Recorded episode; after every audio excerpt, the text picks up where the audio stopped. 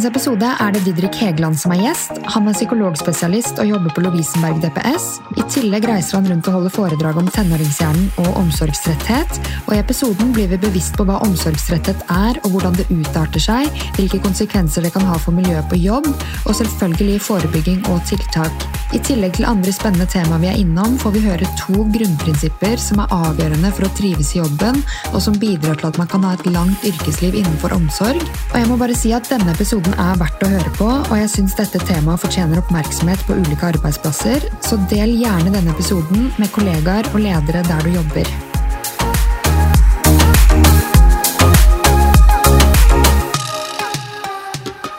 Ta-ta! Hei, hei. Hei! Du, velkommen til studio, Didrik Hegeland. Takk, takk. Er det Hegeland eller Hegeland? Hegeland, tror jeg det uttales. Hegeland. Det skrives med æ. ja. Det er eh, så spennende tema vi skal inn i i dag. Jeg ble ja. bevisst på det temaet her før sommeren, så for meg er dette et ganske nytt begrep. Ja. Eh, Men når er det dette begrepet ble kjent? Omsorgsrettighet. Ja. Altså, det er, det er faktisk eh, overraskende gammelt. For det er liksom, på engelsk er det 'compassion fatigue', og så er det oversatt til norsk til omsorgsretthet. Og det var egentlig helt tilbake til liksom type 70-tallet. Mm. Når man begynte å se på hjelpearbeidere i ulike sammenhenger som fikk ganske sterke symptomer av å komme tett innpå mennesker som har opplevd vonde, fæle ting, Mm. eh, som kunne få seg en psykologisk reaksjon. Mm. Eh, og det som var litt rart, var at det, det ligna litt på traumer og overveldelse og andre kjente diagnoser, men det var egentlig ikke så dekkende for de som var hjelpere.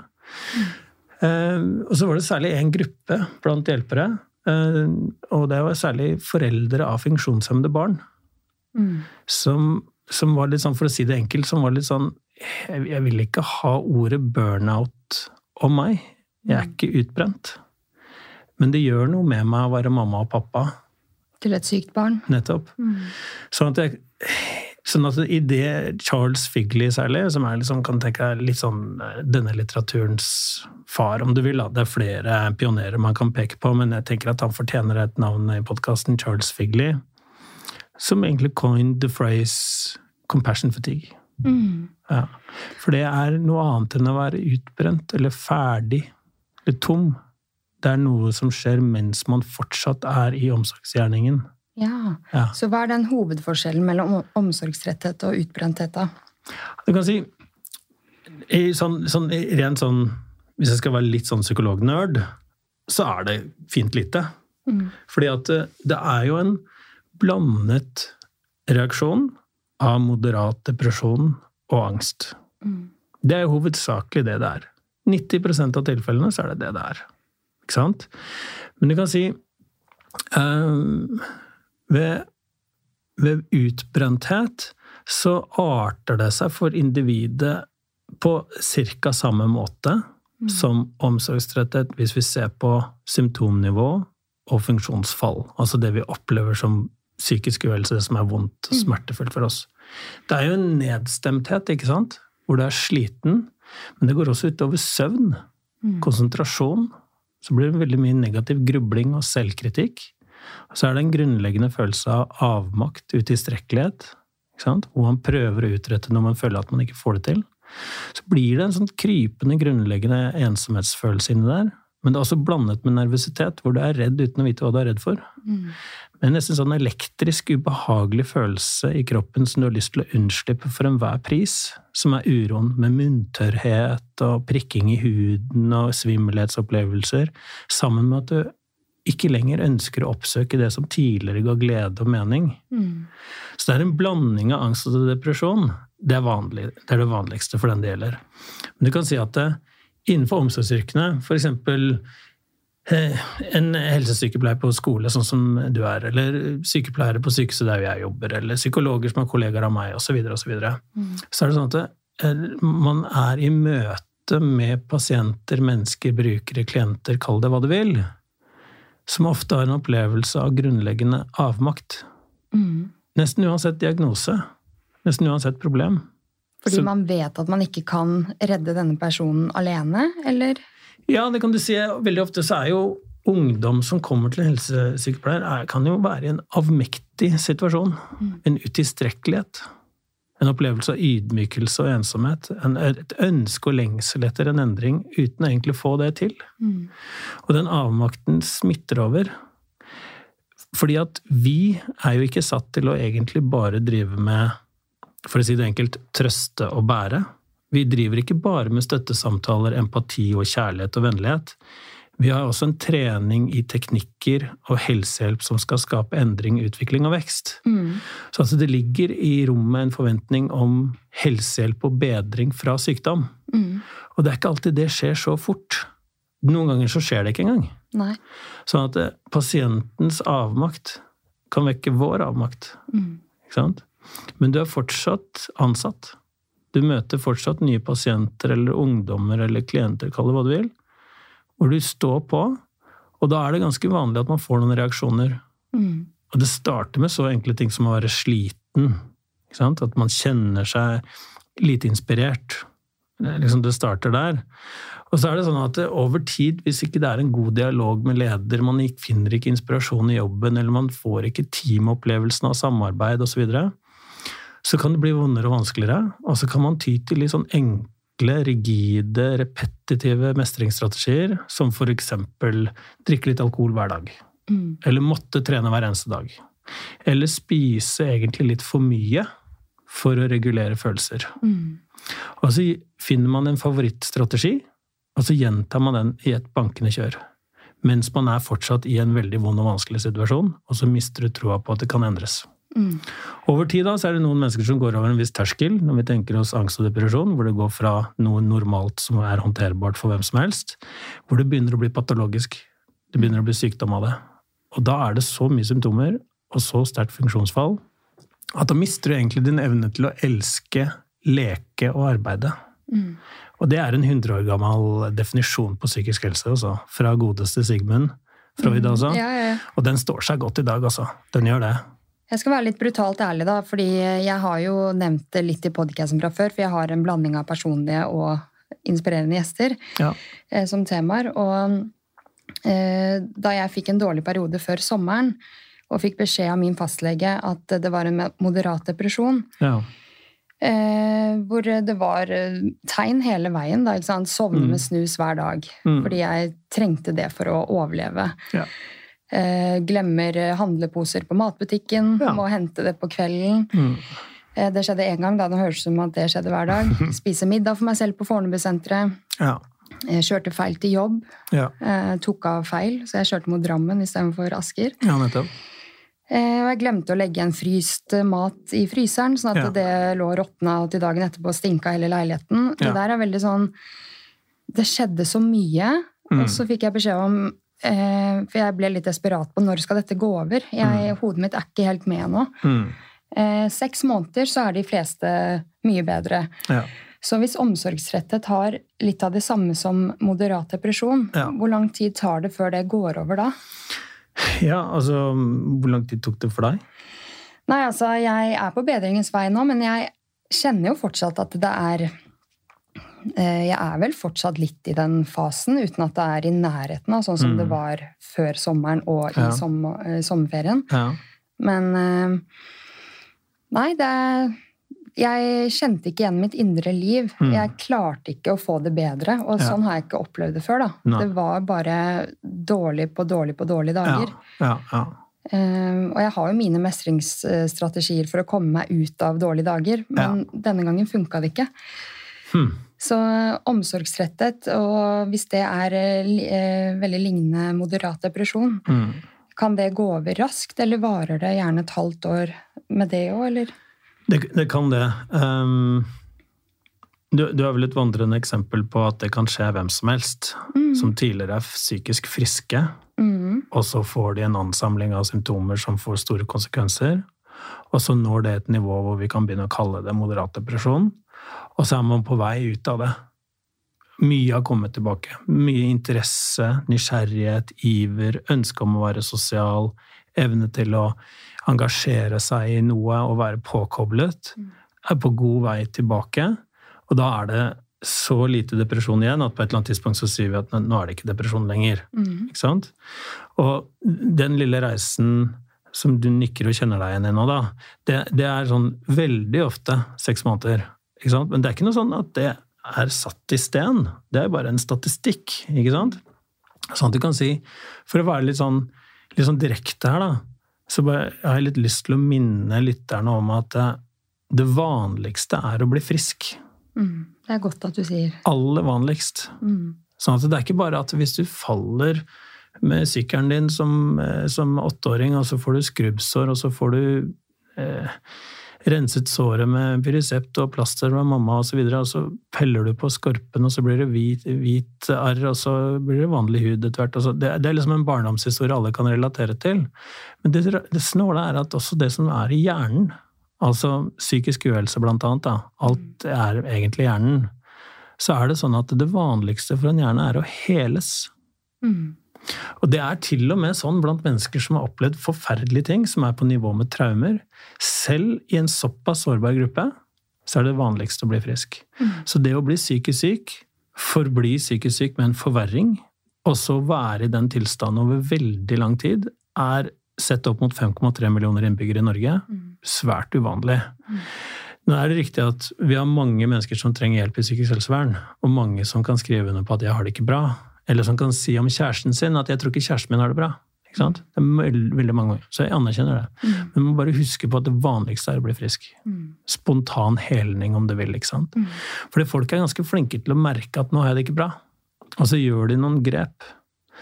De, de endrer noe i livsførselen sin. Ikke sant? Og så tar det ofte ikke mer enn seks måneder før det er betraktelig annerledes for folk flest. Men så er det noen som er inni en slags sånt eh, ja, tørketrommel, om du vil. At det blir bare verre. Mm. Hvor man ikke får egentlig tak i hva er det som hjelper meg, og hva er det som ødelegger for meg. Sammen med den avmakten jeg snakket om i sted, den utilstrekkeligheten hvor det er en opplevelse at det ikke lar seg endre. Men jeg er, jeg er stuck. Mm. Jeg sitter fast. Ja. Og da kan det bli ganske alvorlig for noen, og da er jo de naturlige utfallene er jo egenmeldinger og sykemeldinger og høyt symptomtrykk. Men så var det litt sånn i historien din at du sa at du kunne glemme handlepose eller legge inn i fryseren eller kjøre feil i lyskryss og sånt. Og det er jo sånne kognitive endringer som kommer med moderat depresjon, eller mild eller alvorlig. De kognitive endringene med depresjon det er liksom dobbelt opp urettferdig. For altså, En ting er at man er trist og nedstemt og sliten, men så skal man forsyne meg for problemer med konsentrasjon og hukommelse i tillegg. Mm. Og hvis man da har viktige jobber som sykepleiere har, så er det sånn at det er veldig lett å begynne å gjøre feil. Mm. Man skriver ikke journal, man gir feil medisiner, og man gir utgang til en som ikke skulle hatt utgang. og Det er utrolig mye man gjør som er liksom sånn at man, det er klandreverdig for en selv. da. Mm. Ikke sant? Og det er ganske mye ettersyn. Det er ganske mye sånn eh, fokus på eh, reglene. Mm. Så at man er pinlig klar over når hukommelse og konsentrasjon svikter ved depresjon, så begynner man å gjøre enda mer feil. Men min tanke var at jeg må stå i jobb, noe Ja. som er trygt, noe som Ja. jeg trives med. Um, men eh, hvor eh, mye jeg presterte der, det vet jeg ikke. Jeg gjorde mitt beste, fordi Mm. jeg tenkte at eh, jeg skal ikke få det verre ved å sykemeldes. Men Ja. tenker du at hva er løsningen når omsorgsrettet har oppstått? Er det Ja. å stå i jobben, eller er det sykemelding? Eller kan, er det veldig variabelt fra person til person? Veldig veldig variabelt, og jeg har full forståelse for at egenmeldinger og begrensede sykemeldinger og sånn er nødvendig. ikke sant? Men hvis vi, hvis vi tar det eh, spørsmålet litt sånn, ser litt sånn alvorlig på det, så er det sånn at jeg, jeg påstår at hjernen har spontan helning som default position. Over et par hundre tusen år så er det ikke bare huden som heles etter et skrubbsår, men også hjernen når noe blir vanskelig i livet. Mm. Sånn at det, det er rimelig å tenke seg at når du først begynner å få det vanskelig, så er det noen justeringer og endringer som må til. Mm. Mens den gamle sykemeldingen fra 100 år siden nærmest, når du fikk en ulykke i en gruve, så skulle du være hjemme og restituere etter et beinbrudd. Du skal bruke beinet såpass mye at du får trent opp muskulaturen rundt, men ikke belaste så mye at du får problemer som er varige. Mm. Den gamle somatiske ideen for sykemelding er ikke alltid direkte overførbar til de psykologiske vanskene. Det er noen ganger at endring på helt alvorlige områder i livet, som hvem er jeg kjæreste med, Hvor jobber jeg? Hva jobber jeg med? Hvordan er jeg sammen med moren min, faren min? Hvordan er relasjonen til søsteren min? Hvor mye tilbyr jeg av omsorg? Hvor tilgjengelig er jeg? Hvor mye selvkritikk har jeg tilgang på når jeg er utilstrekkelig? Altså det er ganske mange vaner man ikke er klar over, ja. som spiller en veldig sterk rolle i hvorvidt man utvikler noe som kan bli et problem. da.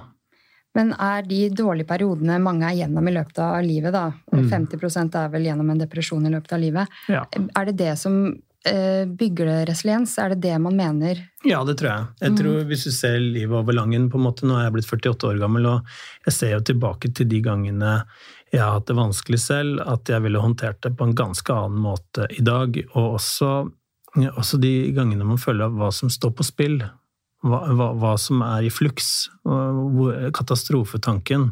Eller ideen om ensomhet. Eller, altså det, man får helt andre ideer gjennom livet pga. erfaring. Mm. Og sånn, for å være litt nølete på det også, så er det sånn at det, du bruker veldig lang tid på å utvikle frontalkortex. Ja. Du, er gjerne, du, er gjerne, opp mot 25 år gammel før den delen av hjernen er ferdig. Det er siste delen, og det er den viktigste delen. Mest avanserte delen av hjernen. Det som du kan tenke definerer oss som mennesker, egentlig. Mm. Kreativitet, mm. intelligens, personlighet, følelsesregulering, abstrakt tenkning, samarbeid, planlegging. Altså De mest avanserte delene av hjernen er i frontalkortex og kommer sist. Mm. Så det tar ganske lang tid før man begynner å, å, å ane liksom hvordan man skal håndtere at noe oppstår på likt. Mm. La oss si kjærlighetssorg. Du må flytte fra kollektivet ditt, og du har strøket på eksamen, og du lurer på om du har valgt feil studie. At det skjer på likt. Mm. Hvis du da begynner å håndtere følelser med noe i forhold til mat og trening, så kan det fungere ganske bra. Det kan gi en illusjon av kontroll og selvfølelse. Men du kan dra det ganske langt. Det kan bli nødvendig å hoppe over måltider og slå sammen frokost og lunsj og vente så lenge som mulig til man spiser noe. Det er deilig å sovne med rumlende mage og kjenne at man blir tynnere, og kjenne på kragebeina at nei, det blir tynnere, osv. Og, så og så blir det til slutt et problem. Ikke sant? Da er vi innenfor spiseforstyrrelsesverden. Mm. Sånn at eh, hvordan man håndterer flere motgang, altså flere varianter av motgang i livet på likt, da. Mm det endrer seg voldsomt med at frontalkortex utvikles, og at livserfaringen kommer. Det sier seg selv. Mm. Sånn, at, eh, sånn, at, hvordan man løser motgang, er noe helt annet nå enn før. Mm. Jeg tror hvem som helst av lytterne kan tenke at eh, hvis de følte seg urettferdig behandlet av sjefen sin i tidligere jobb, så tenker de hvordan de ville håndtert den medarbeidersamtalen annerledes i dag. Ja. Hvordan du ville brukt en støtteperson, hvordan du ville brukt fagforeningen din, hvordan du ville ordlagt det annerledes. Hvordan du hadde forhandlet fram en prøveperiode og tydelighet på hva som er forventet av meg, hva som er rimelig, hva som er urimelig, og egentlig fått løsna opp i de misforståelsene i mailer og SMS som er uten mimikk, som er bare tekst, som er proppfulle av misforståelser som er sårende. Mm. Så vi blir så, smartere og smartere? Mye, mye, mye, mye smartere. ja. ja. I stad så nevnte du at uh, når vi møter folk som har vært gjennom traumer ja. um, er det ikke, kan ikke du forklare hva sekundærtraumatisering er? For det syns jeg er veldig interessant. Jo, det kan jeg prøve. Du kan si at det, hvis jeg hadde vært psykologen din, da, Tina, mm. så, så, hadde jeg antagelig empatisk sett prøvd å forstå så godt som mulig hvordan det er å være deg. Og mentalt sett så blir det en veldig nær relasjon. Og da er det sånn at hvordan du opplever noe, hvordan du kanskje har blitt La oss si du hadde hatt flyktning- og migrasjonserfaring, la oss si det, og så har du opplevd noe forferdelig på reisen. ikke sant? Og idet du begynner å beskrive det for meg, og jeg er så koblet på dine følelser og din mimikk og dine øyne og dine tårer, så lever jeg meg inn i det. Mm. Og det må jeg gjøre for å være en god psykolog, ikke sant? Og det er vanligvis meningsfullt. Det er fint, og det føles trygt og autentisk for mottakeren, ikke sant? Men det er sånn at det grufulle migrasjonserfaringene var, de traumene, det kan jeg begynne å se for meg. Det kan jeg leve meg så inn i at jeg nesten legger til ting som ikke har skjedd engang. Jeg kan nesten se det for meg som en film. Og når du får en gjenopplevelse i terapirommet hvor du blir trigget av noe og blir helt overveldet av følelser, så er jo jeg rolig i stolen og hjelper deg til å puste deg gjennom det for å orke det. For litt av traumeterapien er jo å orke å huske det, ikke å glemme det. ikke sant? Men i prosessen, da, mens jeg er profesjonell og er inntonet og rolig, så er det også sånn at det smitter litt over det du har opplevd. Og hvis det skjer med noen pasienter, og vi snakker flertall, pasienter som jeg spesielt bryr meg om, la meg si barn eller ungdom, da, ikke sant? så blir det så sterke historier at det begynner å komme litt innunder huden. Og da kan man få noen ufrivillige gjenopplevelser fra jobb. Man kan få noen intrusjoner etter det. Da kan man få noen sånne mareritt eller noen plutselige flashbacks når man står og henger opp en vask eller står og liksom gjør noe repetitivt, litt kjedelig arbeid i huset eller i leiligheten. eller sånn. Og når du begynner å bli liksom invadert ufrivillig av masse vonde historier fra de menneskene du driver f.eks. traumebehandling med, da, mm. så er det jo ikke jeg som er traumatisert. Jeg var jo ikke flyktning. Jeg har ikke migrasjonserfaring. Mens jeg har kommet så tett innpå. Mm. Sånn at jeg låner litt av den andres opplevelser i en slags overføring. Okay? Og det er liksom magisk begrep, det der overføring. Det er et sånn klinisk psykologisk begrep. Mm. Og det kan, det kan bli så sterkt at hvis jeg benekter at det skjer, jeg tenker at det er uprofesjonelt, eller ikke sant?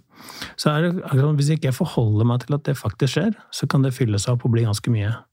Og da er vi ikke lenger på ordinær omsorgsrettet, hvor man generelt er litt sånn sliten av jobbstress og arbeidsbelastninger og tariff og situasjonen på jobb og Ikke sant? Men da er det enkeltpersoner som har kommet innunder huden din, hvor du sekundært, altså nummer to, mm. låner den andres primære, nummer én, mm. opplevelser.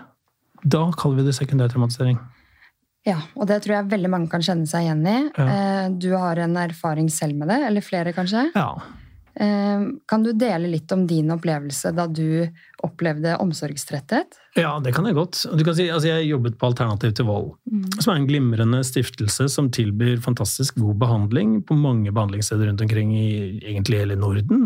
Særlig Norge, da, men mange, mange steder. Eh, kjempespennende arbeidsmiljø. Flotte folk. Men så tenker jeg liksom hva vi faktisk jobber med. Ikke sant? Vi jobber jo med sinnemestring med mennesker som har vold- og aggresjonsproblematikk. Og for å si det rett ut da, så møter du hovedsakelig menn, noen kvinner, som har det til felles at de banker opp kjæresten sin. Det er det det er. Jeg er fra Drammen, så jeg sier det litt rett ut. Ja, ja, gjør ja. det. Eh, men det som er litt snålt også, det er at Idet jeg sitter og i sinnemestring, så må jeg jo undersøke hele voldsepisoden i detalj.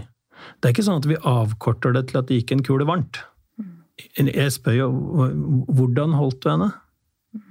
Var det i hestehalen eller rundt eh, halsen? Ja, Så du får såpass detaljer, ja. Ja, for jeg skal jo prøve å hjelpe han hele tiden til å finne alternative utveier fra det raseriet som er så farlig. Mm.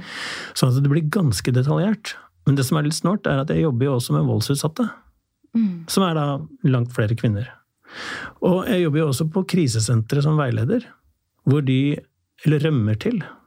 Og så jobber jeg jo også med barn som har vært vitne til vold og hatt omsorgssvikt som del av utviklingen sin, i ungdom, barne- og ungdomsgrupper. Og så har jeg jo åpne timer for politiet med ungdom som i løpet av helgen har gjort et eller annet gærent og slåss og tagga og blitt arrestert så, så, er det sånn at jeg har jo akuttime for ungdom som er på vippen fra å være utsatt for noe i familien, til å selv bli utøver av noe. Mm. Og det er en emosjonell spagatt. Mm. Og når det blir mye av det, så blir det så mye vold at jeg kunne få en liten sånn sheriffstjerne på brystet. En opplevelse av at nå skal jeg utrette en stor forskjell her. Mm. Nå, skal, nå, er det litt opp til meg og mine kollegaer, gruppa mi. Vi skal, vi skal få til noe her, vi nå. Og det er en drivkraft til det, men etter hvert så jobber du så vanvittig mye med vold at du begynner å se vold før det skjer. Mm. Du kan se opptakten til vold på bussen i Oslo. Mm. Du kan se situasjoner på T-banen som kan bli til noe. Du kan legge merke til et kjærestepar i baren på et utested som er på vei til at sjalusien arter seg annerledes når de kommer utenfor. Mm. Sånn at eh, du blir så opptatt av vold og blir så drilla i vold og får så mye peiling på vold, får så mye innsikt og erfaring med vold, at altså det blir så mye at til syvende og sist så orker du ikke å se på eh, Klikke på videoer på VG-nett som handler om en konflikt mellom to mennesker ute på, i en veibane som, som, krangler fordi noen har krasja, f.eks. Du orker egentlig ikke å forholde deg til sånn forherligelse av vold i filmer og på Netflix. ikke sant? For du begynner å skjønne hva det egentlig er. Mm. Ikke sant? Og da er det en måte å beskytte seg. Det er det første, at man beskytter seg litt. Men så kan man jo begynne å liksom prøve å håndtere det på egen hånd. Fordi man skal jo egentlig ha veiledning.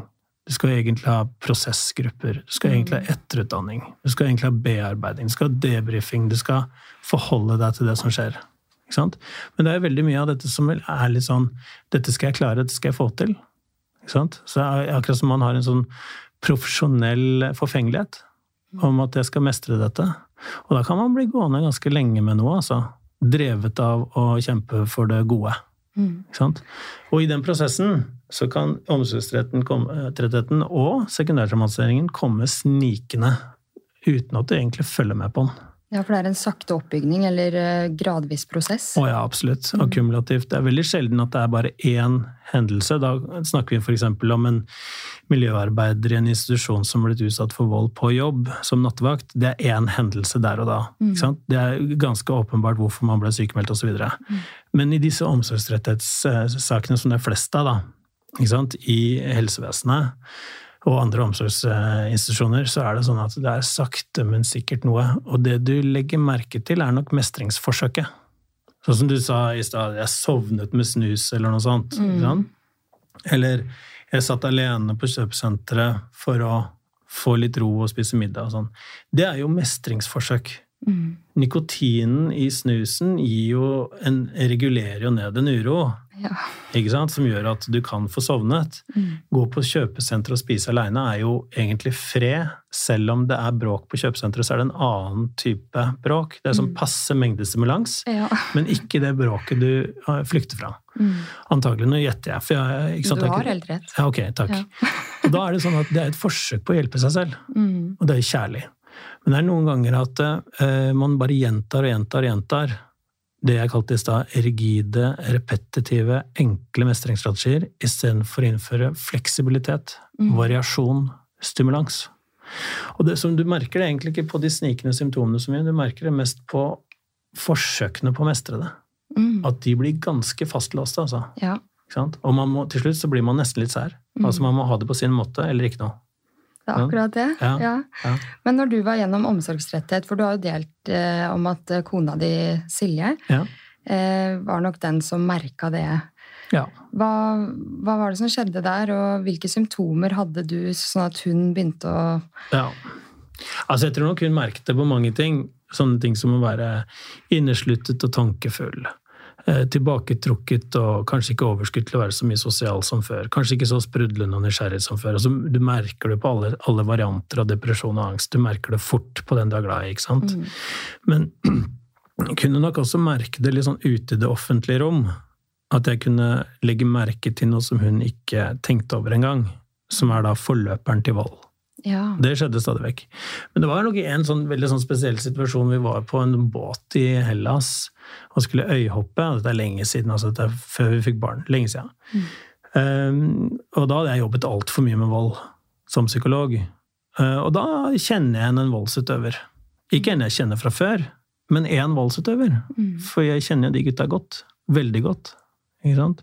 Så da er det en italiensk fyr med en kone og et barn på røftlig fem år. Og han har de gjenkjennelige trekkene. Han har en paranoid grunnstilling til verden. Ryggen opp mot veggen. Han flakker med blikket.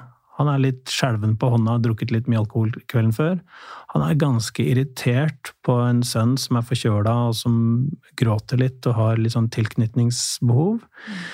Litt sånn brydd også med kona som trøster og hjelper den sønnen som krever litt for mye, syns han. Og er egentlig litt sånn satt ut av alle de passasjerene på båten. Og hele situasjonen er litt trøkkende, med varm luft og diesellukt og søppel på kaia. Og det er egentlig litt sånn trøkkende for hvem som helst, men særlig for han her. Og da er det sånn at når hun blir litt sånn Kan ikke du bare gå deg en tur på båten og kjøpe deg en potetgull og cola?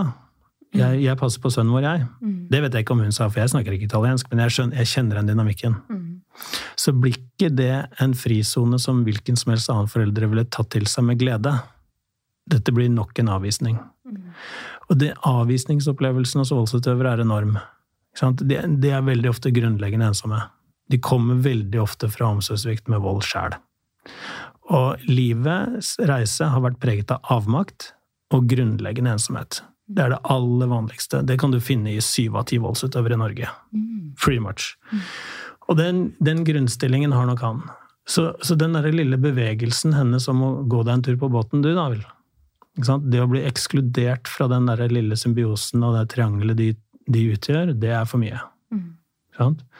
Så da tyr han til eh, forløperen til vold. Det er liksom, liksom voldsomt oppfarende fra 0 til 100. Mm.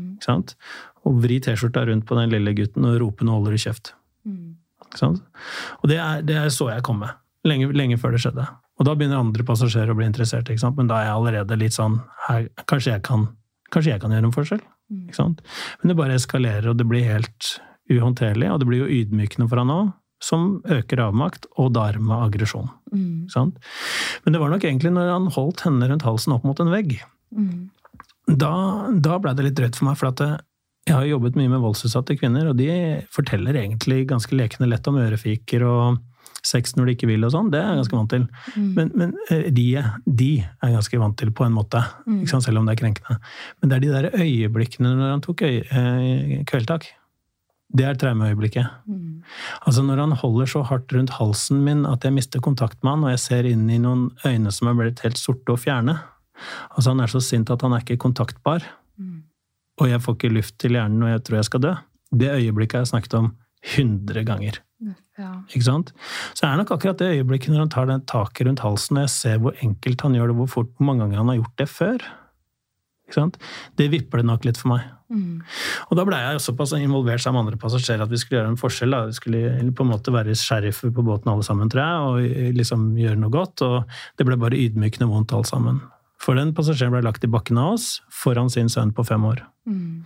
Så jeg har vel egentlig bidratt til den guttens samlede traumeerfaringer, som øker sjansen for at han er en av de kriminelle uh, unge menneskene som går rundt i la oss si, Napoli i dag, da. Mm. Og da begynner det å bli komplisert, ikke sant? Ja, fordi det er det du tenker at du har bidratt ja, med. Ja. Ja. Mm. Og mye av dette er jo mine egne slutninger og fantasier, ikke sant? blanda litt med forskning og erfaring. Ja.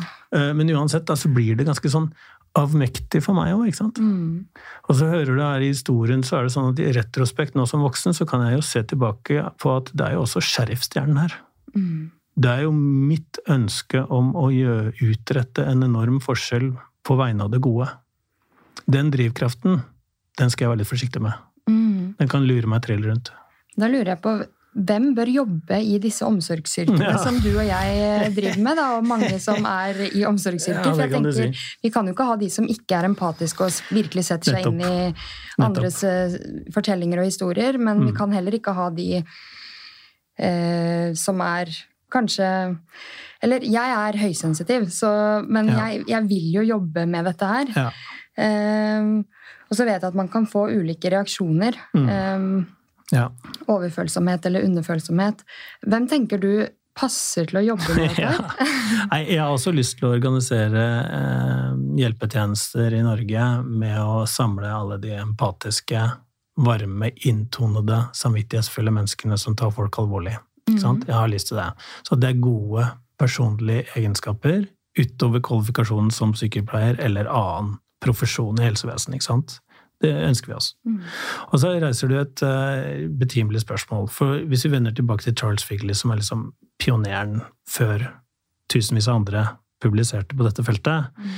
så, så, er det liksom, der er det en sånn påpekning om at det, det å være empatisk og ha personlige kvalifikasjoner for å være en hjelpearbeider på noen måte, det er et tveegget sverd. Det er selve kjernen i å kunne gjøre en god jobb. Mm. Den inntoningen som sykepleier, den tålmodigheten og den liksom fokuset på folks ve og vel, uansett hva du står overfor, det ønsker vi oss. Ikke sant? Men det er også akkurat den egenskapen å være empatisk og ta inn i seg andres perspektiv og følelsesliv, både empati og sympati, det er det andre siden av det samme tveeggede sverdet. Det er mm. også selve det som gjør, kan gjøre oss såra på jobb. Ikke sant? Som ved sekundærtraumatisering særlig. ikke sant? Mm.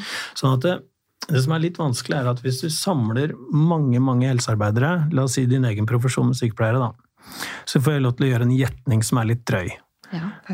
Hvis vi tar 10 000 sykepleiere, Mm. og så tar vi personlighetstest på hele bunten, så vil de som gruppe score ganske høyt på samvittighetsskala. Mm. Mm. Sånn at det, det er noe her med at eh, hvis du har virkelig lyst til å utrette en forskjell for folk, og du er empatisk og sensitiv med inn, innlevelsesevner, ikke sant? og du blander det med litt vel mye samvittighet, da kan den utilstrekkeligheten, avmakten, selvkritikken og den imploderingen av ansvar bli too much. Mm. Sånn. Så at vi snakker om sånn å sette grenser for profesjonsutøvelse. Sånn. Og vi snakker om ansvarsplassering. Hvem skal gjøre hva? Ja, at man må vite sitt mandat, eller eh, Ja. ja. Vi har sånn type språk, ikke sant? Mm. Og det er intellektuelle øvelser som står i kamp med følelser, og da vinner alltid følelsene, så dette er kjempevanskelig. ja. Ja. Men vi prøver oss allikevel, ikke sant? Sånn at det sakte, men sikkert så er det sånn at du Det hender at du erfarer gjennom en karriere at Nå skal jeg si noe litt komplisert. At hvis du som helsearbeider tilbyr pasienten mer enn sykehuset der du jobber, tilbyr, Mm. da, tar det, det er bare et spørsmål om tid. ja. Da er vi på overfølsomhet, eller? Ja. Eh, Nei, altså eh, overfølsomhet Unnskyld. Det er, litt sånn at overfølsomhet blir bare en del av dette. Hvis vi tar meg som eksempel, da. Mm. Så det er kanskje litt ufint å bruke deg som eksempel hele tiden. jeg, for- Ja, bruk deg selv, det er bra. meg selv, da. Når jeg er psykolog på en poliklinikk i Oslo, Mm. så er det sånn at jeg har jo ambisjoner som psykoterapeut å gjøre fantastisk stykke arbeid. Mm. La oss si jeg står overfor en person med sammensatte vansker med spiseforstyrrelse og utfordring med selvfølelse, og som har noen relasjonelle vansker og noe selvskading. La oss si en sånn miks. Mm. Ja, det møter vi på ganske ofte. Ja. Nå er det rigga sånn at en sånn person får utvidet psykoterapi. Altså mer enn tolv timer i snitt. Mm. Ja, det, det er bra. En ung person som er spesielt sårbar, som har sammensatt problematikk, får gjerne utvidet helsehjelp. Og kan kanskje få til og med tilbud om en kombinasjonsbehandling med gruppeterapi og individualterapi over veldig lang tid. Det er vel og bra. Mm. Det er ikke alle som får plass på det. Nei. Og til og med de plassene holder på å legges ned en etter en. Mm. Så at du står egentlig overfor en situasjon hvor du tilbyr helsehjelp, og jobber så godt du kan, med for kort tid. Ja. Og så er du egentlig helt avhengig av å skrive ut vedkommende når vedkommende er frisk nok Mm. til å vende tilbake til en høyskole, for da kan en studenthelsetjeneste overta. Ja. Det, det høres ganske bra ut. Men vedkommende er absolutt ikke ferdigbehandlet, og har stor sårbarhet for tilbakefall. Mm. Men du veit veldig godt at på den lista di så står det tolv nye navn, og de skal ha time i morgen. Ja. Ikke sant? Så at hvis jeg da hele tiden holder meg til at egentlig så skulle jeg jobbet mye lengre, egentlig skulle jeg gjort noe annet, egentlig skulle jeg hatt et annet tverrfaglig fokus, egentlig, ikke sant? Og jeg legger det på meg, Ja. at jeg skulle utrettet miraklet på kort tid, da tar det ikke lang tid. Nei. Men hvis jeg begynner å akseptere liksom modellen i Norge, så kan jeg redde meg sjæl lite grann. Men jeg, problemet mitt er at jeg aksepterer ikke den modellen. Og da må jeg jobbe gjennom politiske prosesser, fagforeninger, helselovgivning, og sånn som nå, valg. Ja. Ikke sant? Da er det en sjanse på hvor mye er det vi skal prioritere for hvem. Der, der kan jeg godt legge inn støtet. Det, det er fullt mulig. Men idet jeg sitter og finner på at jeg skal ha ekstra terapitimer i lunsjen min, Ja, ja, ja. utover de x antall timene, fordi Didrik tilbyr noe mer Mm. enn poliklinikken, da tar det ikke lange tida. Mm. Så dette kan bidra til omsorgsrettighet. Ja. Mm. Så hvis du tilbyr noe mer enn arbeidsplassen tilbyr, Mm. så er det bare matematikk. Mm. Da, da, da baller det på seg. Men de reaksjonene man ofte kan ende med, som du har snakket om før, overfølsomhet og Mm. underfølsomhet, kan du fortelle litt hva det innebærer? Jo, du kan si eh, litt sånn, hvis jeg sier det litt sånn humoristisk, da, prøve å sånn, lage litt sånn karikatur eh, her nå. Så er det sånn at Ved omsorgsretthet så har vi allerede til nå snakket om at det egentlig er en miks av depresjon og angst. Mm. Og så har vi forklart litt hva sekundær traumatisering er, som er inni den miksen. Mm. Ok, so, so far so good. Men hvordan det arter seg for folk, er jo helt, helt personlig. ikke sant? Det, er, kommer an på. Men hvis vi, hvis vi liksom ser på 10 000 mennesker som er omsorgstrette, så, så tegner det seg noen bilder. Det, det trer frem noen bilder. Og det er gjerne en som blir oversensitiv, og som tar på seg egentlig altfor mye ansvar. Og hvis jeg tuller litt nå, så er det liksom en som har Ja, du driver med helsearbeid på dagtid, og så har du omplasserte hunder og katter på ettermiddagen. Ja. Og så må du spørre om du kan gå litt tidligere, for du skal innom veterinæren. For du har nemlig også tatt til deg en papegøye med knekt vinge. Og du veit ikke hvordan det skal hjelpe den fuglen. Så du må innom veterinæren, og han stenger klokka fem i dag, så jeg må gå litt før. Kan jeg gå litt før? Men jeg kan komme tidligere i morgen. For å ta igjen den, den halvtimen som du tar å gå til veterinæren. Men samme person skal også utover kvelden kose seg litt, og da skal man se på en dokumentar om trafficking i Russland mens man spiser popkorn. Det der er så gjenkjennbart. Ja. Altså, Og det er jo ikke sant, det er en sånn karikatur hvor jeg nesten gjør narr av vedkommende, og det er ikke meninga. Men den personen baker ikke én kake til 17. mai. Den personen baker tre kaker til 17. mai. Ja. Ikke sant? Og den personen kan fint også dessverre ha en innflytelse på andre ansatte som er litt sånn Vedkommende kan nesten fortelle høyt hvordan man har jobbet for barnevernvakten i helgen. Hvordan man har vært frivillig på Fattighuset i helgen. Mm. Hvordan ferien ble avbrutt fordi en person lenger nede i gata i et annet borettslag hang seg i garasjen. Mm. Og selv om kriseteam fra kommunen er der for familien, så bare dro vedkommende hjem og ringte på og lurte på om jeg kunne gjøre noe. Det er nydelig, ikke sant? Det er nesten til å? Det er til å gråte og se opp til, men du hører at dette er too much. Mm. Da er du litt sånn oversensitive og litt sånn overdrevet på ansvar, og egentlig litt grenseløs på det som gjelder liksom de andre og deg sjæl, som egentlig vi kaller egenomsorg. Mm. Selvrespekt, selvivaretakelse og selvtrøst. Ja, de tre begrepene der, Ja. kan du fortelle litt mer om hva det er, før vi går over på uh, ufølsomhet? Ja, eh, altså eh, De tre er det ikke klare definisjoner på. Og det er litt av Det er litt flaks, egentlig. Ja, For jeg prøvde å google det i går, Ja, og så ble det nesten samme ja det ble nesten samme. For det er ganske morsomt, for det er noen, særlig hvis man er litt sånn opptatt av wordfeud eller eh, er litt sånn interessert i ord, da. mm. Så kan man godt sitte i en liten ring, altså. Det kan man gjøre med noen kollegaer. Det tar ikke lange tida. Man kan bruke en time på det, liksom. Og bare diskutere litt. Selvtrøst, ikke sant? selvivaretagelse og selvrespekt. Det er litt forskjell på de tre s-ene. Mm. Og det vil du raskt merke at kollegaer av deg definerer på litt annen måte enn deg. Og det er helt i orden, for det er ikke noe ferdig definisjon, og det er ikke leken heller. Men mens du snakker, så er det sånn at du får noen aha-opplevelser fra andre mennesker som også baler med de tre. For det er det vi prøver på, alle sammen. Vi bare prøver å finne ut av livet vårt. Ikke sant? Men det som også er litt sånn snart, det er at det er ganske stor sannsynlighet at du praktiserer bare to av de tre s-ene. At det er én av de s-ene som ikke er så mye av. Du kan f.eks. ha mye selvivaretakelse. Sant? Og så kan du ha ganske mye selvrespekt. Ikke sant? For eksempel, du kan være ganske flink til å trene og ta vare på søvn. og du kan, eh, Det er ganske mye du kan gjøre på selvivaretakelse. Og på selvrespekt så kan du liksom reagere. altså Hvis noen har mobba sønnen eller datteren din, så kan du virkelig stille opp for noen. og Det er, det er ikke måte på. Men på selvtrøst, der er det ikke så mye. Nei. Der er det mer sånn skjerp deg, Mm. stå på, ta deg sammen, slutt å grine. Altså, det er det drøyeste, da. Sant? Det, er, det er ganske sterke selvinstruksjoner. Så hvorfor er det sånn?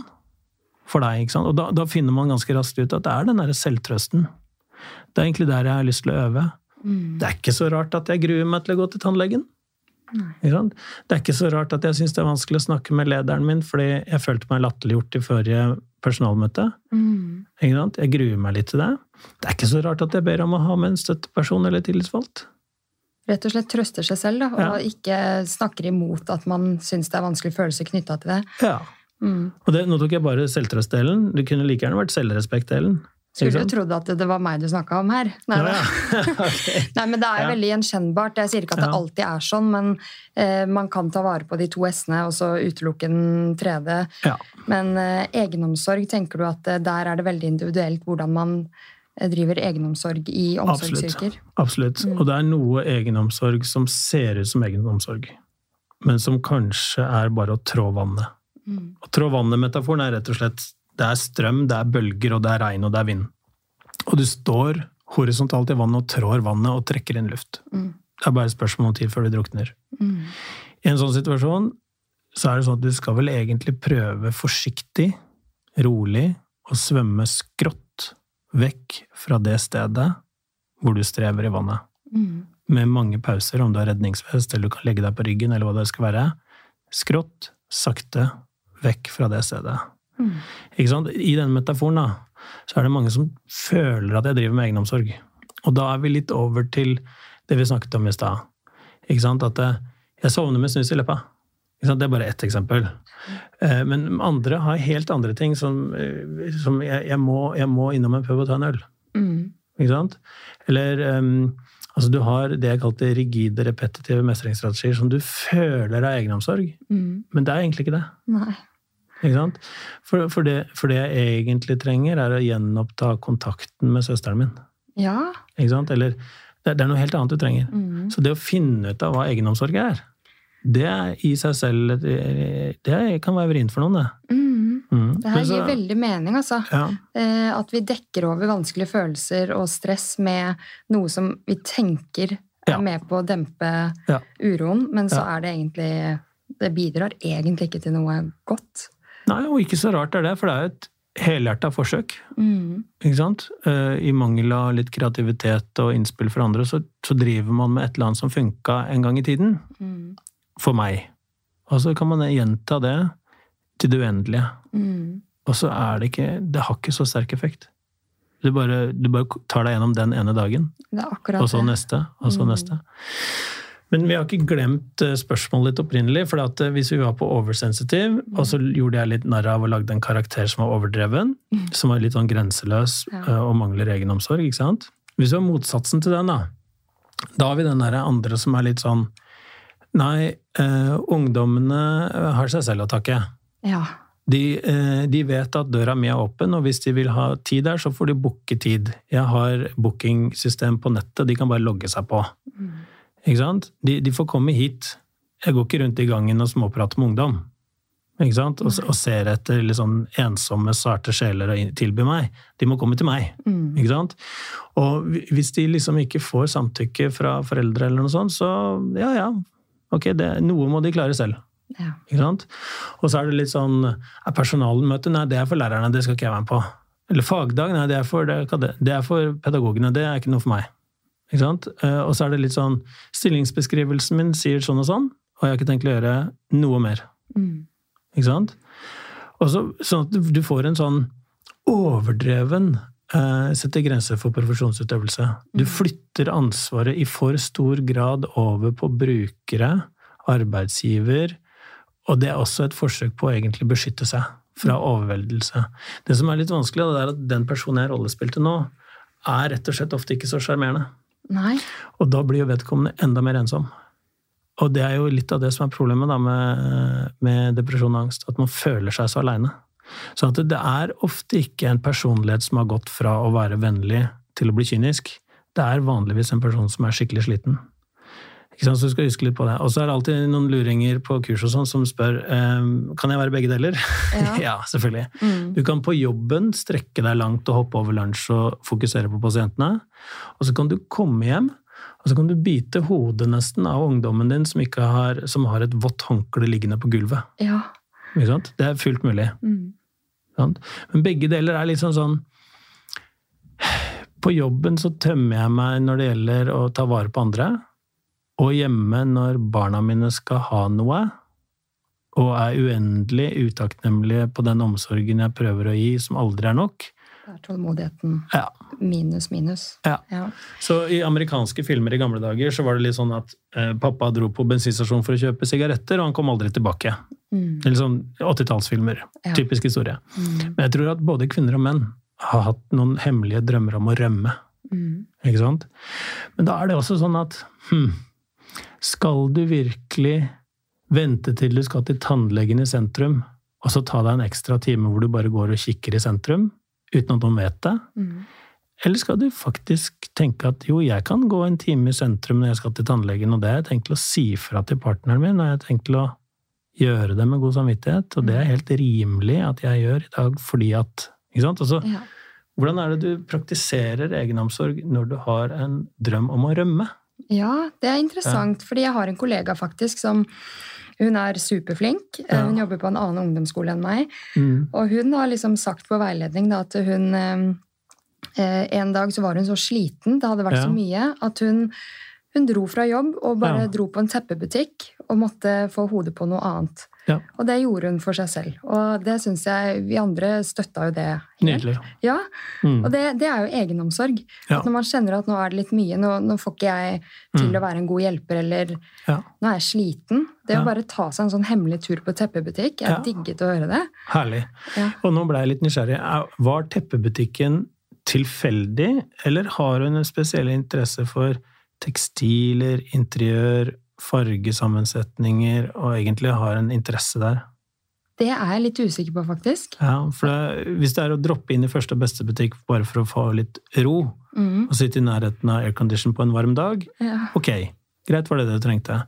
Men hvis det attpåtil er en sånn ikke-tilfeldig dragning mot noe, så skal man lytte litt. Mm. Hvis det er sånn jeg er egentlig interessert i tekstiler og farger og sammensetning av etnisitet i et interiøruttrykk, jeg. Mm. Det er egentlig det jeg er interessert i. Ja. Så kanskje man skal ta det litt alvorlig. Mm. Ikke at du skal starte teppebutikk, det er ikke det hvem som helst som kan gjøre det.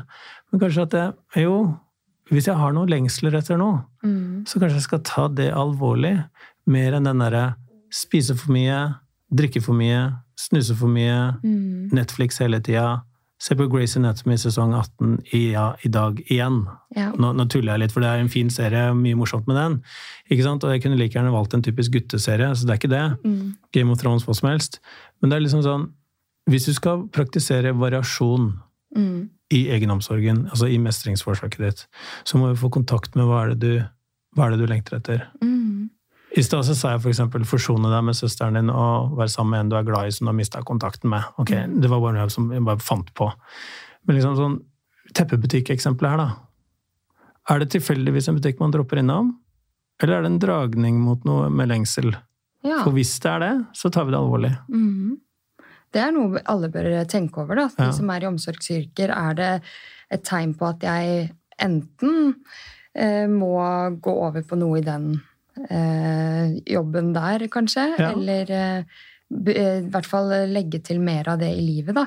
Jeg Ja. tok jo et valg selv i over nyttår nå, hvor jeg gikk ned til 60% stilling som helsesykepleier Ja. for å ha mer tid til podkast. Ja. Tjener mye mindre, Mm. men jeg var uh, på et veldig godt sted frem til dette skjedde før sommeren. Og det er jo veldig interessant at man tar gode valg for seg selv, og så plutselig så får man Mm. dårlig psykisk helse. Så det er, livet er fascinerende. Ja.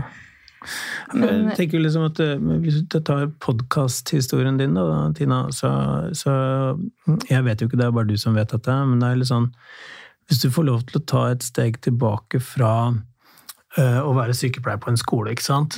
En helsesykepleier med ungdom, sant?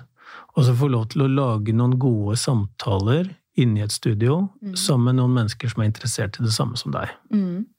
Det er betydelig variasjon og stimulans. Ja. Ja. Og det er det mest helende man kan finne på å gjøre for en hjerne som trenger å bli reparert. Mm. Det er variasjon og stimulans. For å være litt nerdete på det, sånn nevropsykologisk, så er sånn at, ja, så er det sånn at, det, så er det sånn at du ønsker egentlig at elektrisiteten mellom hjernecellene skal finne nye veier. Mm. Du ønsker egentlig å stimulere hele hjernen. Mm. For du kan tenke deg at ved depresjon så er det en umestimulans. Mens repetitive, enkle mestringsstrategier, som vi har snakket en del om, det er også repetisjon. Mm. Da er det egentlig de samme elektro- og kjemiske banene som aktiveres i et bankende kjør. Om igjen, om igjen, om igjen. Du trenger egentlig variasjon. Så når jeg bare fant på i stad forsone deg med søsteren din og ta opp igjen en viktig gammel relasjon som har falt litt ut, det er massiv variasjon og stimulans. Noen er liksom på at de har lyst til å ta kajakk og superkurs eh, i Oslofjorden. Mm. Andre er litt sånn at eh, i, som, i, i vinter skal jeg endelig lære meg å stå snowboard. Det er utrolig mye du kan holde på med. Eh, Men, men hvis man hoster opp sånne råd til folk, Mm. så sier de bare takk. Mm. Og så er det å bomme. Mest sannsynlig så har du bomma. Mm. Så vi må først liksom lytte. Hva er den lengselen? Det er derfor jeg ble så interessert i teppehistorien i Ja, ja. Var det tilfeldig, Mm. Eller er det faktisk en lengsel etter noe her? Mm. Så. Det, sånn er det liksom med hvilken som helst pasient. da. At man må virkelig følge med på hva er lengselen her. For vi alle lengter vel kanskje etter noe Ja. Hvis vi skulle hatt alle menneskene foran oss, på en måte, Ja. hadde vi ikke alle hatt en eller annen form for lengsel? Jo, det tror jeg. Ja.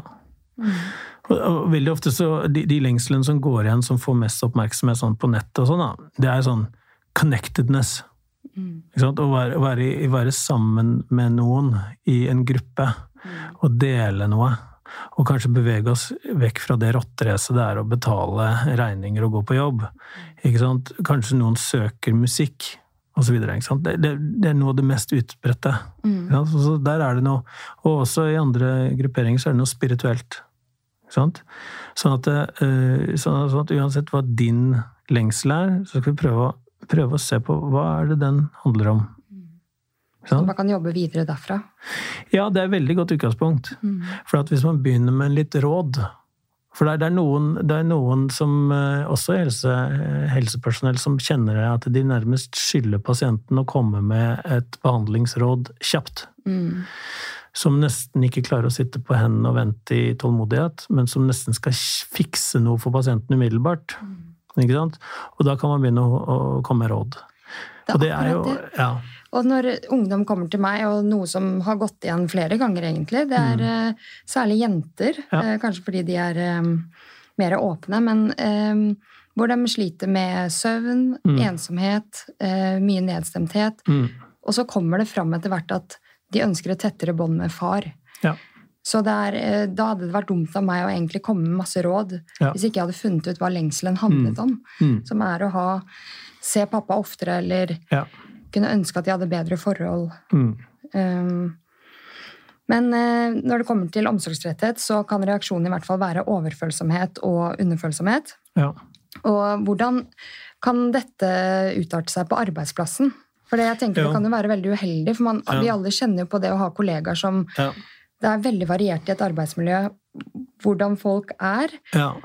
Eh, Hmm. hvordan påvirker det arbeidsplassen hvis en kollega er omsorgstrett? Ok, nå skal jeg huske på det spørsmålet. Hvordan påvirker det arbeidsplassen at en kollega eller flere er omsorgstrette? Mm. Det skal jeg prøve å svare på, Ja. men jeg har bare lyst til å kommentere forrige eksempel med ungdomsjente som kommer til helsesykepleier Mm. med nedstemthet og ulike sammensatte psykiske vansker, og så oppdager du etter hvert at det er en savn her etter kontakt med pappa. Mm. Det som er så forbaska, det er at det er 99% sikkert at han savner kontakt med henne òg. Mm. Ikke sant? Så at opp gjennom årene der så du, du, du har noen sånne egoister som bare forsvinner og ikke orker en tenåring og liksom gir helt opp og er bare interessert i jobb og jakt, nærmest. Altså, du, du har noen sånne klisjeer. Det fins, men de er få. Det, det som er det vanlige, er liksom at han, at han gir litt opp. At det blir litt sånn komplisert. At mammaen har så nært forhold til datteren at han blir litt sånn annenrangs Mm. og forsvinner litt. Og så orker han ikke helt det emosjonelle trøkket som kommer i den tenåringstiden, og begynner å trekke seg litt tilbake, for han vet ikke helt. Og så oppleves det som en avvisning. Mm. Og i hans liv, apropos spise middag på kjøpesenteret alene, så er det andre varianter av omsorgstretthet. Da kan vi kanskje til og med bare snakke om burnout, mm. som vi gjorde i gamle dager. Sånn at det å trekke seg litt unna, og drive med sitt eget, som f.eks. å jobbe mye, eller reparere noe, eller være ute, ikke sant? være borte, det oppleves som en avvisning. Mm. Om en som ikke er emosjonelt tilgjengelig, en som ikke har tid til meg, ser meg, interessert i meg. Men det er nok ikke det. Mest sannsynlig så er den datteren the love of his life. Mm. Ikke sant? Sånn at da er det litt sånn for helsesykepleieren å liksom Oi, skal jeg begynne å fikse det nå? Skal jeg invitere til en samtale mellom far og datter på mitt kontor, så de to får seg et lite familievernkontor her plutselig? Ikke sant? Det er én vei å gå. Eller du kan liksom ganske rolig og betraktelig liksom sitte på den lengselen. Og hun trenger nok å legge det litt på at han er emosjonelt utilgjengelig, at han er umulig og sånn. Vi må nok romme det en god stund, for det er en typisk tenåringsposisjon å ta. Men den derre følelsen av å ikke bli tatt alvorlig, det å være andrevalg, det å være neglisjert Ikke sant? Da nærmer vi oss noe annet som er inni henne. Da er det ikke bare at han er teit, men da nærmer vi oss hennes savn. Og mens vi snakker om det, så må man liksom stole på at det er noen prosesser i henne som gjør at hun begynner å koble seg på og vise noen nonverbale tegn til lengsel, savn og søken etter kontakt. Og statistisk sett veldig sannsynlig at han responderer på det hvis han fanger opp de tegnene. Mm. Så hvor raskt skal du komme med råd? Det det. Sånn at noen blir veldig ivrige og sier at du finnes familievernkontor. Du kan ta med deg faren din dit, og det er gratis. Mm. Og da kanskje dere kan snakke sammen. Det, da, da er du ivrig. Utålmodig ivrig. Men du har jo lyst til å romme og forstå og Mm. koble deg på den ungdommen med is i magen. Det er det. Sånn at um, på et eller annet tidspunkt så gjør man noen veivalg psykoterapeutisk etter å ha romma den unge jenta ganske lenge, Mm. som ofte handler om at de voksne forstår meg ikke. Mm. Ikke sant? Men så er det også sånn at du etter hvert begynner å stille spørsmål om hvordan oppleves det for han? Ikke sant? Du begynner å skifte fokus. Mm. Og da må man være litt forsiktig, for da begynner det å bli litt ansvarliggjøring av den ungdommen som kan plutselig bli krenka. Men du begynner å bringe inn empati. Du begynner å bringe inn perspektivtaking. Du begynner å bringe inn at det er relasjonelt. Det er ikke en personlighet som er egoist. Det er nok en relasjon som har blitt vanskelig Mm. gjennom de 16 årene, eller hvor gammel hun er da. Mm. Så det er det jeg mener litt med at hvis man er sånn ivrig, utålmodig, og tenker at jeg skylder å gi helsehjelp kjapt, Mm. og det kommer ut som et råd, så er det stor sannsynlighet for at man bommer. Ja.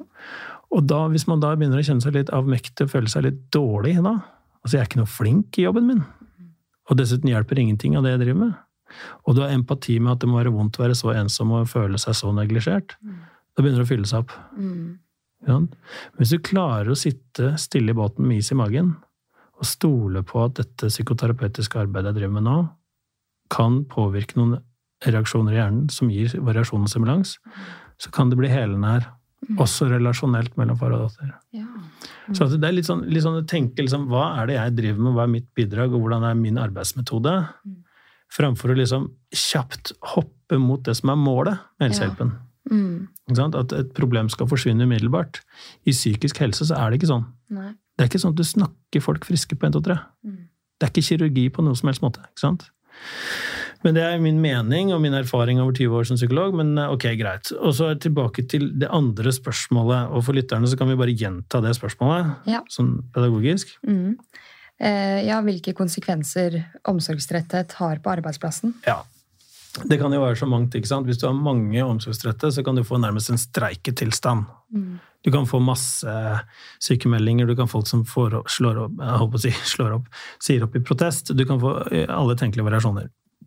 Men det er de vi liksom kjenner til. Men, men det som ofte skjer, da, hvis vi går tilbake til de to jeg snakket om i stad, når jeg lagde karikaturer Mm. Hun ene hun har omplasserte bikkjer hjemme. Mm. Ja, Det var hun, sier vi. Det er lov å le litt. Ja, ikke sant? Det er meningen- meninga å være litt morsom òg. Og så da, da sier jeg hun attpåtil, for det er statistisk sett oftere en kvinne. Men hvis du da tar eh, det motsatte, som er litt sånn ja, elevene får komme til meg, og det er ikke mitt ansvar, de får ta litt ansvar sjøl, da er vi litt over på en mann, kanskje. Mm. Kanskje, vet ikke. Men i hvert fall så er det sånn at eh, de to der, hvis du ser for deg at det å være omsorgsrett Nesten per def så har du vært ansatt en stund. Mm. Jeg skjønner godt at nye ansatte blir slitne. Og det er helt egne prosesser hvor man mangler opplæring og vikar. Eh, ikke vikar, Ja. fadder. Mm. Jeg, jeg, jeg, jeg fatter det. Men bare, bare liksom bli med meg et øyeblikk. Mm. Hvis vi tenker at omsorgsrettet er akkumulativt, Mm. så er det veldig ofte at man har vært ansatt en stund.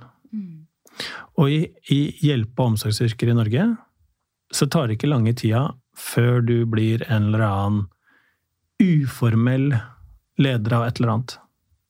Det tar ikke mange årene, det. Nei. Og da blir du veileder for studenter og nyansatte, altså. Mm.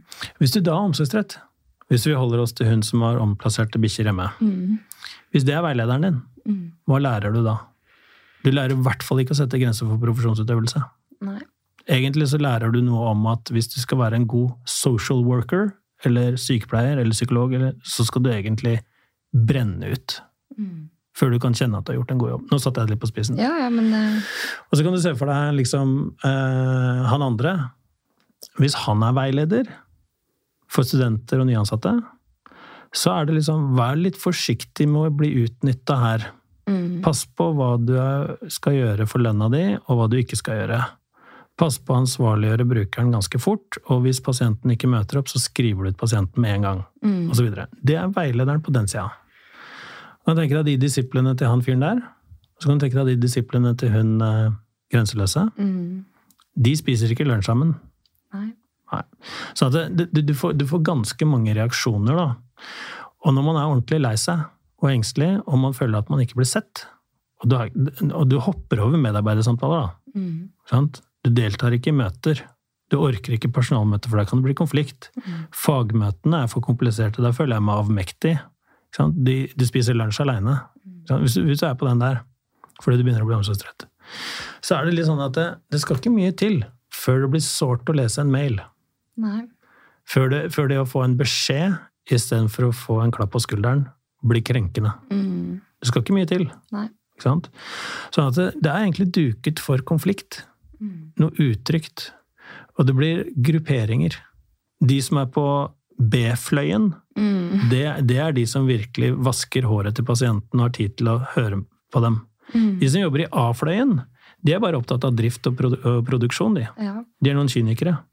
Det er nesten blårus og rødrus, vet du. Mm. Altså det er nesten polarisering hvor du får en unødvendig overdreven forskjell mellom to mennesker som er inne Ikke to mennesker, to grupper. Og det er vanskelig å jobbe med. Veldig vanskelig. Men da kommer tusenkronersspørsmålet mitt. Ja. Og det er hvilke tiltak ser ut til å være effektive for å forebygge omsorgsretthet? Ja, og det er uh, sikkert litt uh, provoserende for noen. For det er jo mange som eh, håper at eh, svaret må jo være gode, omsorgs, gode omsorgsfulle ledere man stoler på, som ser deg. Boring. Ikke sant? Og ikke sant, gode kollegarelasjoner som grenser til vennskap osv. ja. Alt det er bra. Og alle ville svart det. sant? Ikke sant? Mm. Noen kan til og med si fleksitid. Trening i arbeidstiden. Mm. Ikke sant? Eller hjemmekontor. Altså det, det er ganske mange tiltak, og alt det er vel og bra. Det er ikke det at det er dårlig, det er vel og bra. Men det som er litt usexy svar, for oss som jobber i helsevesenet, eller eh, helse og omsorg på noen måte, fagutvikling. Mm. Jeg elsker at du bringer det på banen, ja. for jeg, jeg støtter den 100% Jeg blir veldig inspirert og, Ja. av ny kunnskap og snakke med Ja. folk eller høre foredrag. Ja. Føler at jeg utvikler meg. Ja. At ikke jeg står stille. Nettopp. Så satt på spissen, så er det sånn at hvis jeg som psykolog blir sliten av å jobbe med rusmisbrukere Mm. La oss si jeg opplever at det er for mye løgn, da. Mm. Det er for mye skjult sidemisbruk. Det er for mye brutte avtaler. Vi jobber mot et mål, og så er det et tilbakefall. La oss si jeg begynner å bli litt sånn lei. Har ikke betalt egenandelen for helsehjelpen. Kommer ikke til riktig tid. Ikke sant? Det er, det er rett og slett så mange impulsive valg at jeg blir litt sånn. Litt må du kunne ta vare på deg selv. Altså, bare, kjenne, bare kjenne på noe som ikke er bra for en psykolog å kjenne på i møte med en pasient. Mm. Fordi det kan ødelegge terapirelasjonen. Mm. Men det er helt menneskelig å kjenne på det. ikke sant? Det som er helt snålt da, det er at jeg burde gå i dialog med lederen min. Ikke bare om at jeg er sliten. Jeg burde be om å få hospitere på ruspoliklinikken vår Mm. dag i uka.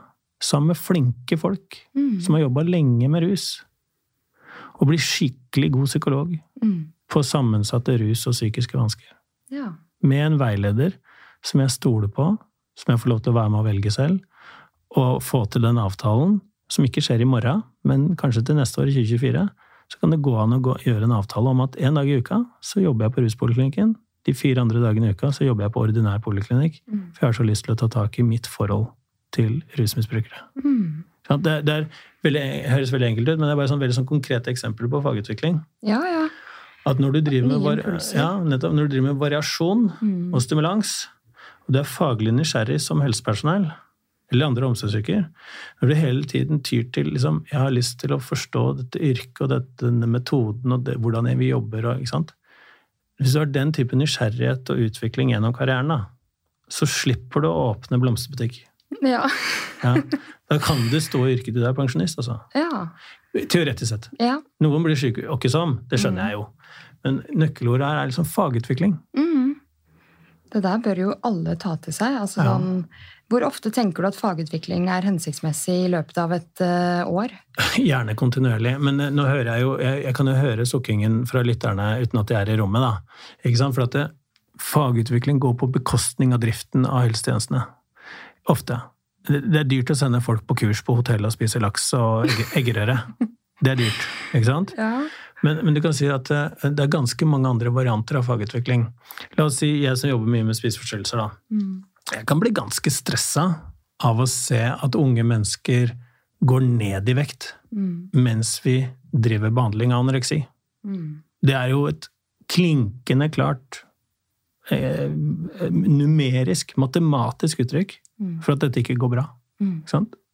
Og det er jeg som er ansvarlig behandler. Det står i journalen at psykologspesialist Didrik Eggeland er ansvarlig behandler. Mm. Og i samme journal så står det og blinker et tall om at nå veier ikke pasienten 48, nå veier pasienten 45. Mm. Ikke sant? Da er det sånn at fagutvikling for meg da, det er å gå over gangen, banke på døra til hun jeg vet er så innmari flink behandler for spiseforstyrrelse, og så er jeg koterapeut i noen av hennes pasientforløp. Mm. Så ble jeg inspirert av hvordan hun jobber som psykolog. Ja, vi trenger hverandre, og vi trenger ja. nye impulser. Og ja. jeg syns ikke det var et kjedelig svar. Nei.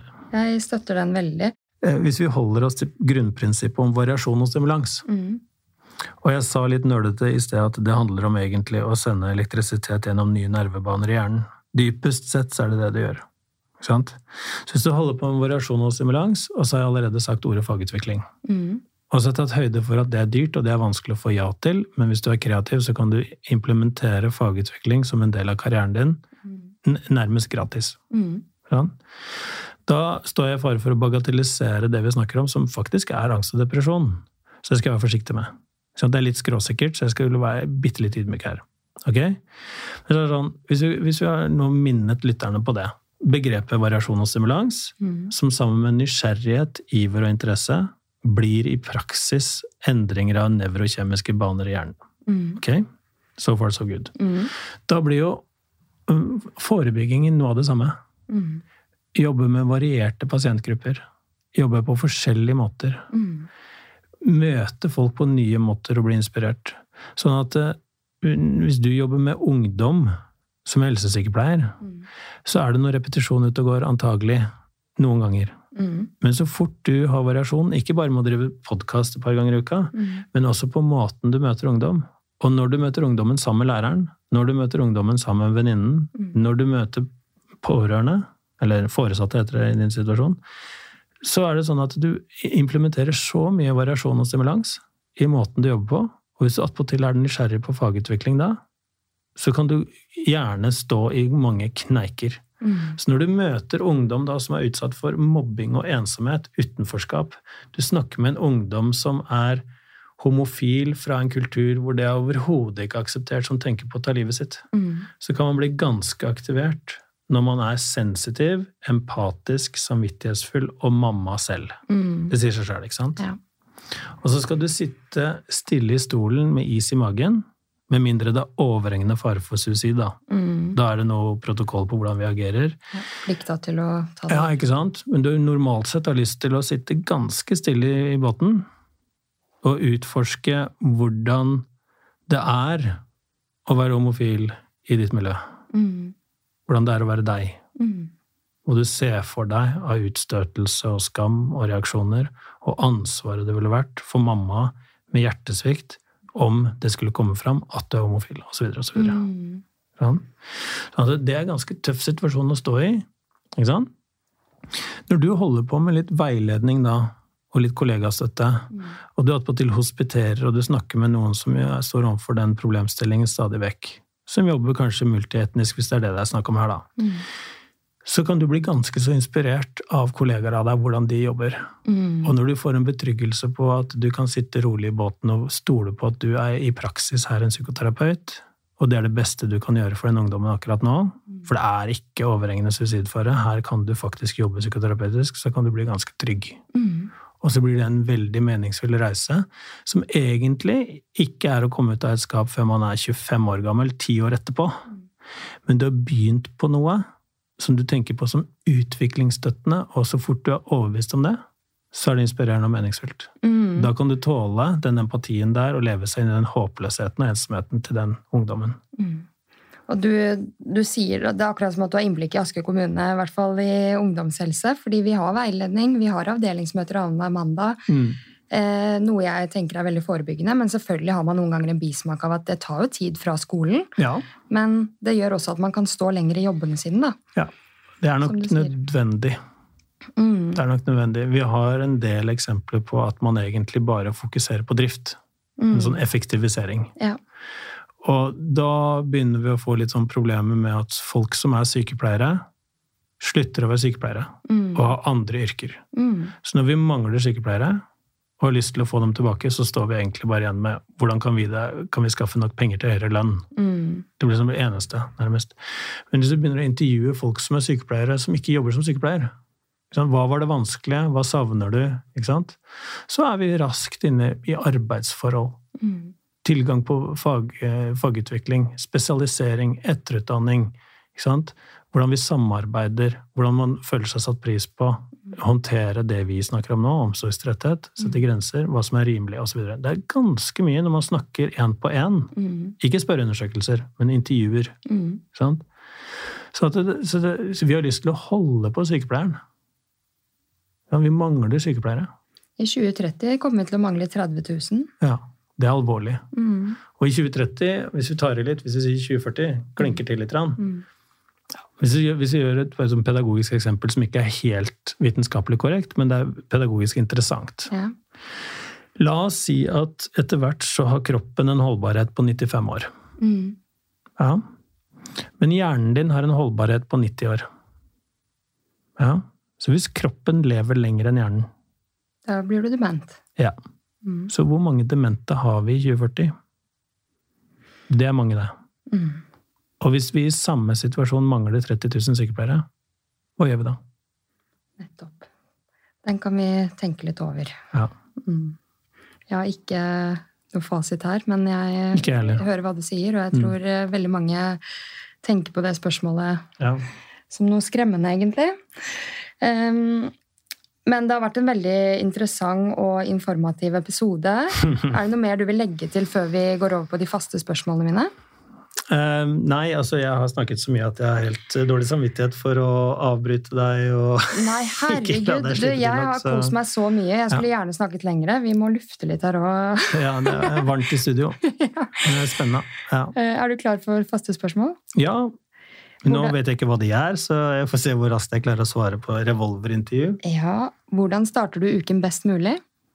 Åh, det er heldigvis greit. Jeg, jeg, jeg, starter med å være en eh, så hyggelig pappa som mulig om morgenen. Og hvis jeg klarer det, og ikke blir så stressa at jeg oppfører meg på en måte som jeg angrer på etterpå Ja. Hvis jeg klarer å komme ut av den døra med å ha vært en ålreit pappa, så går jeg til jobb. Uansett hvor kaldt og mye regn og vind det er. Og det er kjempelangt, det er syv kilometer til over en time å gå. Mm. Og da får jeg hørt på podkaster om Ukraina, som jeg er veldig, veldig opptatt av. Mm. Og så får jeg eh, hjertet i riktig form, for det er å gå fort, uten at jeg, eh, og jeg slipper å jogge, for det hater jeg. Og så får jeg litt tid for meg sjøl. Så får jeg tenkt over denne uka her som psykolog, hva jeg skal gjøre, og hvordan det egentlig er. Og så får jeg egentlig huet på plass. Mm. Så den lange gåinga, det er eh, en av redningene mine. Mm. Og det, da får du det dagslyset også tidlig om morgenen, som vi Ja. vet er bra. Ja. Det hørtes ut som en deilig start på uken. Hvordan snur du en dårlig dag om til en god dag? Den er vanskeligere. Det er noen ganger jeg, det noen ganger jeg ikke klarer det. Hvis det, blir, hvis det blir mye selvkritikk, hvis det blir mye dårlig samvittighet, hvis det blir mye bitterhet og sinne, så er det noen ganger at i mitt tilfelle så må jeg legge meg. Sovne. Eh, Den søvnen har en mirakuløs effekt. Det er nesten som å, nesten som å restarte en computer. Ja. Sånn at den våkner opp dagen etterpå, så er det litt sånn Hvorfor tok jeg så på vei for det i går? Mm. Så, så noen ganger så må du gå så langt. At, Det er godt å høre at du, som jobber med det du gjør, også kan eh, ha, liksom, slite litt med å snu en dag, og at du også kan være litt urimelig eller stressa og sint. Og, ja. ja, vi er bare mennesker. andre, andre ganger så skjer det vi snakket om i sted, at det øker litt grann på selvtrøstdelen. Ikke bare på selvivaretagelse og selvrespekt. For at på selvtrøstdelen så går det an å finne fram til at det er ikke så veldig rart at jeg tok på vei nå. Det er nok noe viktig her. Mm. Det kan jeg løse på noen annen måte enn jeg gjorde, det angrer jeg litt på. Men her er, det, her er det noe som er viktig for deg. Hva er det? Hva er det som står på spill? Hva er lengselen? Hva hva ble blokkert? Hva var det som falt sammen nå? Og hvis jeg bare er litt sånn ekstra kjærlig og vennlig på selvtrøsten der, så har jeg en sjanse til å også få meg litt forsoning og empati og varme overfor de andre det gjelder. For det er jo veldig ofte relasjonelt, ikke sant? Og da kan man snu det den samme dagen uten å måtte vente til å legge seg på kvelden og sovne. Det, det hender. Mm. Gode råd, eller eh, godt å høre litt om hvordan du snur en dårlig dag. Mm. Og dette med søvn også er superviktig. Mm. Eh, Hva er du takknemlig for? Ah, det er mye. Jeg er jo veldig takknemlig for at eh, begge barna mine er friske, da. Sant? Og at min kone og jeg er eh, veldig glad i våre barn, og at vi liksom er sveisa sammen av det. Det er liksom kanskje den største takknemligheten. Men så er det sånn Jeg er veldig, veldig glad for at jeg lever i et samfunn som hovedsakelig har rettssikkerhet. Hvor det er mulig å ha tredjeinstanser man kan klage til når noe urettferdig skjer. Mm. Hvor det er ganske lite korrupsjon sammenlignet med andre land. Hvor det er fortsatt mulig å ytre seg fritt, Mm. for det meste. Sånn at det er stadig vekk, når vi nå står overfor eh, Russlands oppførsel overfor Ukraina og hva det innebærer for Europa og verden, så er det sånn blir stadig vekk opptatt av at du har et rettsvesen som fungerer noenlunde, Mm. og du har noe innflytelse, og du har noen rettigheter. Det er en viss tillit til noen institusjoner som er etablert demokratisk for at vi skal fungere sammen. Og bli minnet på det, selv om man kan være misfornøyd med strømkabler og pendlerleiligheter og kjøpe aksjer i Kongsberg Gruppen og gjøre idiotiske ting, så er det sånn at jo, jeg er ganske så takknemlig for at vi har skrudd sammen det samfunnet på den måten vi har gjort. Og så jobber vi hele tiden for forbedringer, som f.eks. det vi snakker om nå, og sørge for at helsepersonell har lyst til å fortsette å være helsepersonell. Mm. Ja. Hva inspirerer deg? Åh, det er litt grandiost, for det er, nesten bare helter. Det er liksom, det er liksom Zelenskyj, ikke sant? Så det er liksom sånne enorme helter i verdenshistorien, på en måte. Og heltinner, ikke minst. Ikke sant? Madame Curie, for eksempel. Ikke sant? Så det, det er jo litt grandios da. Det er liksom de, det er liksom de største. Er du manisk nå? Ja, det er litt sånn oppblåst. Det er litt det. Jeg, jeg kommer aldri til å utrette noe i nærheten av det de har gjort, selvfølgelig ikke, men jeg blir jo veldig inspirert, da. Mm. Jeg kan jo bli rolig i hjertet av å høre gamle taler på YouTube fra Barack Obama. Obama. Mm. Ikke sant? Det var fint svar. Ja. Du, tusen takk for at du kom til Inspirasjonspodden, og så gleder jeg meg til du skal være med i en eh, ny episode om eh, tenåringshjernen. ja, det gleder jeg meg til òg. Ha det! ha det.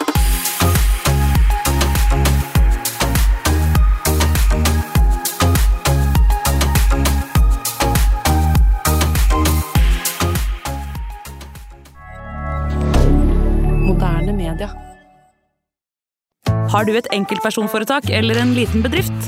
Da er du sikkert lei av å høre meg snakke om hvor enkelt det er med kvitteringer og bilag i fiken, så vi eh, gir oss her, vi. Fordi vi liker enkelt. Fiken superenkelt regnskap.